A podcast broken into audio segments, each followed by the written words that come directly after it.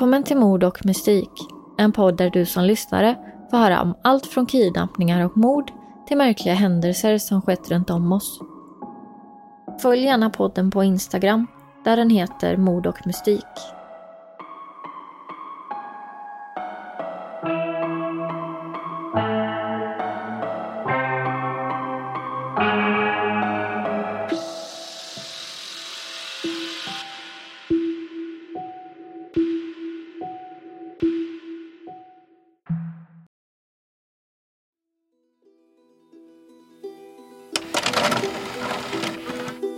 Detta är berättelsen om en person som attackerade samhällets mest sårbara människor och polisens kamp för att få tag i gärningsmannen. Detektiv Andrew Walsh blev tilldelad utredningen och han befarade att fler attacker skulle ske inom kort.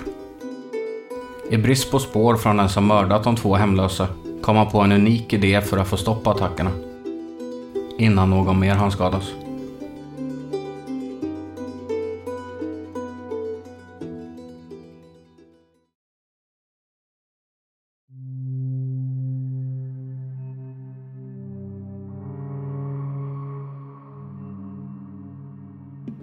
Daniel Adelpy var 46 år gammal. Han var hemlös och bodde därför på Las Vegas gator. Från början kom Daniel från Chicago. Han älskade sport, heavy metal och djur. Under sin tid i Chicago jobbade han först på en radiostation och sedan inom handel. Men livet gick inte som planerat och Daniel kom att bli av med sitt boende och istället få ett tillfälligt boende på ett härberge för hemlösa. År 2016 flyttade Daniel till Las Vegas där han vanligtvis sov utomhus nära korsningen mellan City Parkway och Grand Central Parkway vilket är cirka en kvarts bilfärd från Las Vegas huvudgata The Strip. Området där Daniel sov var ett ställe som många av Las Vegas hemlösa sov på om nätterna. Den 4 januari 2017 påträffades Daniel vid hans vanliga sovplats med svåra skallskador som lett till hans död och som blivit orsakade medan han sov. Skicket på Daniels kropp vittnade om ett brutalt övervåld och hela Daniels skallben hade blivit krossat. Vid tiden för hans död hade han bott på Las Vegas gator i drygt fyra månader och hunnit bekanta sig med de andra hemlösa som cirkulerade i området. Polisens ingångsteori var därför att mordet var ett resultat av ett bråk med någon av de andra hemlösa. På grund av Daniels livsstil hade han sporadisk kontakt med sin familj och detta ledde till att det dröjde nästan tre veckor innan hans familj fick kännedom om hans död. När familjen fick kännedom om vad som hade hänt gick Daniels styvpappa Fred ut i media och sa att Daniel var en mycket snäll person som aldrig bråkade med någon och som aldrig skulle skada någon. Las Vegas var vid tiden för mordet rankat nummer sju över högst andel hemlösa per 100 000 invånare med 272 hemlösa individer. Och brott mot dessa individer var inte ovanligt. Brottsligheten är i allmänhet hög i Las Vegas. 33 procent högre än i resten av landet. Och våldsbrott är 59 procent högre än genomsnittet. Detta gör att polisen i Las Vegas ofta har många aktiva brottsutredningar samtidigt. Och brott gentemot hemlösa är ofta inte prioriterade.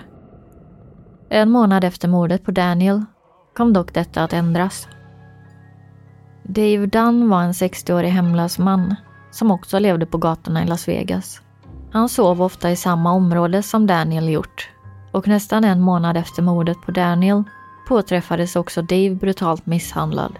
Bara ett stenkast från där polisen hade hittat Daniels avlidna kropp. Dave hade även han blivit utsatt för ett kraftigt våld mot huvudet och avlidit till följd av sina skador. Polisen lade direkt märke till att de båda morden hade flera likheter med varandra.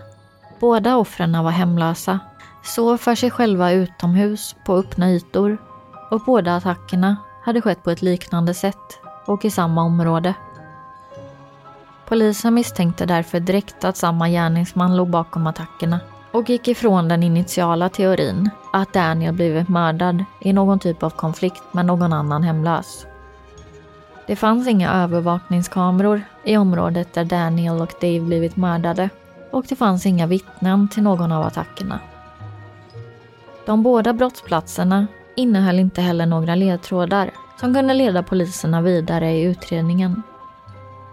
Avsaknaden av spår gjorde polisen frustrerade och de befarade att det skulle ske en ny attack inom kort. En polisman vid namn Andrew Walsh från Las Vegas Metropolitan Police Department blev tilldelad fallet.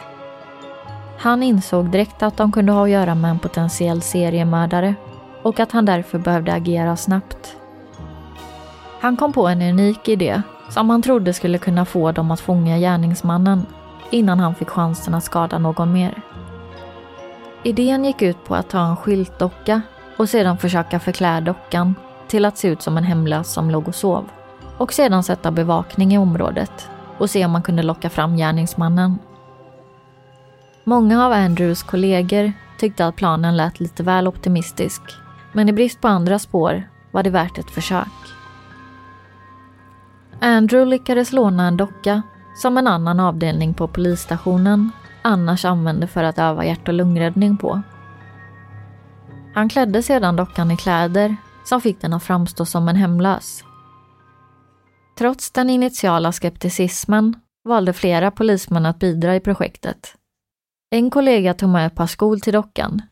En annan tog med filtar och en tredje försåg dockan med en hemmastickad mössa. Sedan observerade poliserna hur sovplatserna i området ofta såg ut och satte upp en egen liknande sovplats till deras hemlösa docka som de gav namnet Charlie McCarthy. Varje kväll tog poliserna dockan Charlie till sovplatsen, som nu var kameraövervakad, och la honom där för att sova. Noga med att inte någon annan på platsen skulle se vad de höll på med. Sen när morgonen kom åkte de och hämtade dockan igen. Och på kvällen återvände de för att lägga dockan på sovplatsen. Detta upprepade polisen dag ut och dag in i tre veckor fram till den 22 februari år 2017 när det gav resultat. Denna kväll observerade polismännen en man som sågs gå omkring runt ett gathörn i centrum. Mannen väckte omgående polisens uppmärksamhet då han strök omkring på platsen utan något självklart mål och betedde sig som att han inte ville bli uppmärksammad av omgivningen. 14 minuter in i inspelningen av mannen närmar han sig dockan Charlie samtidigt som han börjar rota omkring i en vit plastpåse han burit med sig. Där tar han fram en liten slägga och går till snabb attack mot dockan och börjar slå upprepade gånger i dockans huvud. Efter slagen backar mannen undan från dockan och börjar långsamt gå därifrån, varpå polisen stoppar och griper honom. Denna händelse finns fångad på film från polisernas övervakningskameror av dockan Charlie. Now to a very bizarre story. The brutal murders of two homeless men in Las Vegas were becoming cold cases. That is, until the Las Vegas PD came up with a very unique approach that caught national attention. So here it is. They used a mannequin to make it look like someone was sleeping outside a museum, and then the unthinkable happened. Police caught Shane Schindler beating that mannequin with a hammer. Police quickly moved in and arrested him. He is now facing up to 20 years Om man söker på Shane Schindler Homeless Murder på Google får man upp videon. Den är utan ljud. Men man ser tydligt hur en man går runt i området där polisen placerat ut dockan. Han cirkulerar närmre, kring där han tror sig se en hemlös ligga och sova. Sedan ställer han sig runt en meter ifrån och tar fram en slägga ur en plastpåse han bär med sig. Sen går han till attack mot dockan och slår den i huvudet med släggan. Hela attacken är över på bara någon sekund och sen börjar mannen gå därifrån. Direkt efter händelsen grips mannen, som senare blir identifierad till 30-åriga Shane Schindler. Han förs till polisstationen för förhör misstänkt för mordförsök. Under förhöret berättar Shane att han vetat om att det inte var en människa han attackerade med släggan. Detektiven Dan Long som förhörde Shane berättar att den misstänkta dubbelmördaren sa citat. Jag gick omkring i området när jag upptäckte en docka. Jag visste att det var en docka för den varken andades eller rörde sig. Han fortsatte sen med att berätta att han tyckte det skulle vara kul att attackera dockan och förnekade därmed polisens anklagelse om mordförsök. Han nekade även till anklagelserna riktade mot honom för att ha burit ett dolt vapen. Shane berättade att han själv ofta sov på gator och parkeringsplatser, men även detta verkade varit en lugn.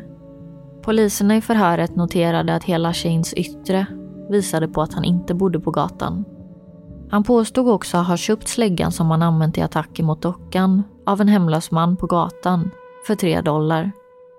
Efter förhöret släppte polisen Shane Schindler men satte direkt bevakning på honom. Poliserna följde efter honom och såg hur han gick in på Henderson Motel och sen gick in i ett rum på motellet. Polisen beslutade om att göra en husrannsakan där de hittade bland annat ett kvitto på släggan i fråga som han hade köpt i butik. De hittade också en andra hammare som de tog i beslag. När man sökte igenom Shanes mobil hittade man två selfies som han hade tagit när han låg på marken och poserade nära de två ställen där Daniel och Daves döda kroppar senare hade påträffats. Trots indicierna, som tydde på att de hade hittat sin gärningsman, hade polisen problem med att hitta konkreta bevis som tydde på att Shane Schindler hade mördat Daniel och Dave. Han hade inte någon personlig koppling till någon av offren.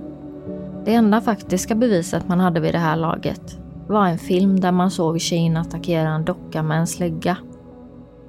Åklagaren i målet ansåg att bevisen och indicierna inte var tillräckligt starka för att ta målet till domstol. Utredarna var dock säkra på att Shane var rätt person och de ville se till att han fick spendera tid i fängelse. Därför valde de att ingå en deal med Shane som gjorde att de inte fick väcka åtal för morden på Daniel och Dave. Utan att han istället skulle erkänna sig skyldig till mordförsök och därmed tillbringa mellan 8 till 20 år i fängelse.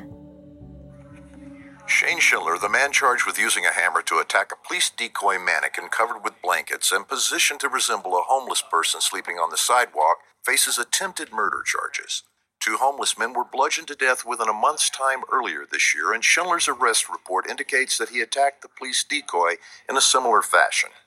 This morning, Mr. Schindler, um, I'm going to order that your case be bound over to district court so that you can be evaluated by doctors.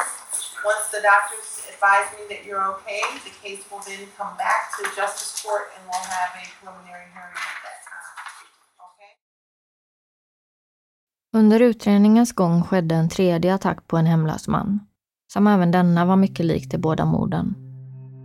Offret hade påträffats vid medvetande och hans liv hade räddats. Men utredarna var säkra på att Shane var ansvarig även för denna attack. Offret hade blivit attackerat i sömnen och inte kunnat identifiera gärningsmannen.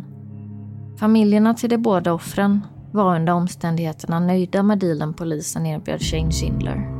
Även de insåg att bevisen inte var tillräckliga i morden och att en rättegång riskerade att Shane skulle bli helt frikänd.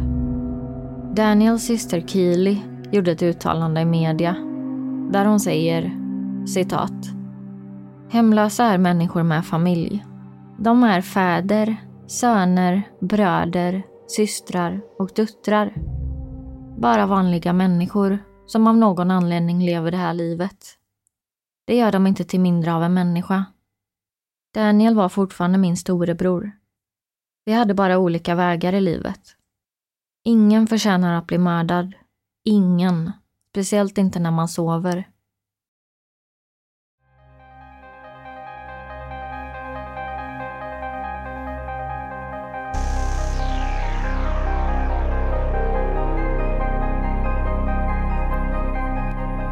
Detta var allt som vi på Mord och Mystik hade att bjuda på denna veckan. Tack för att ni har lyssnat.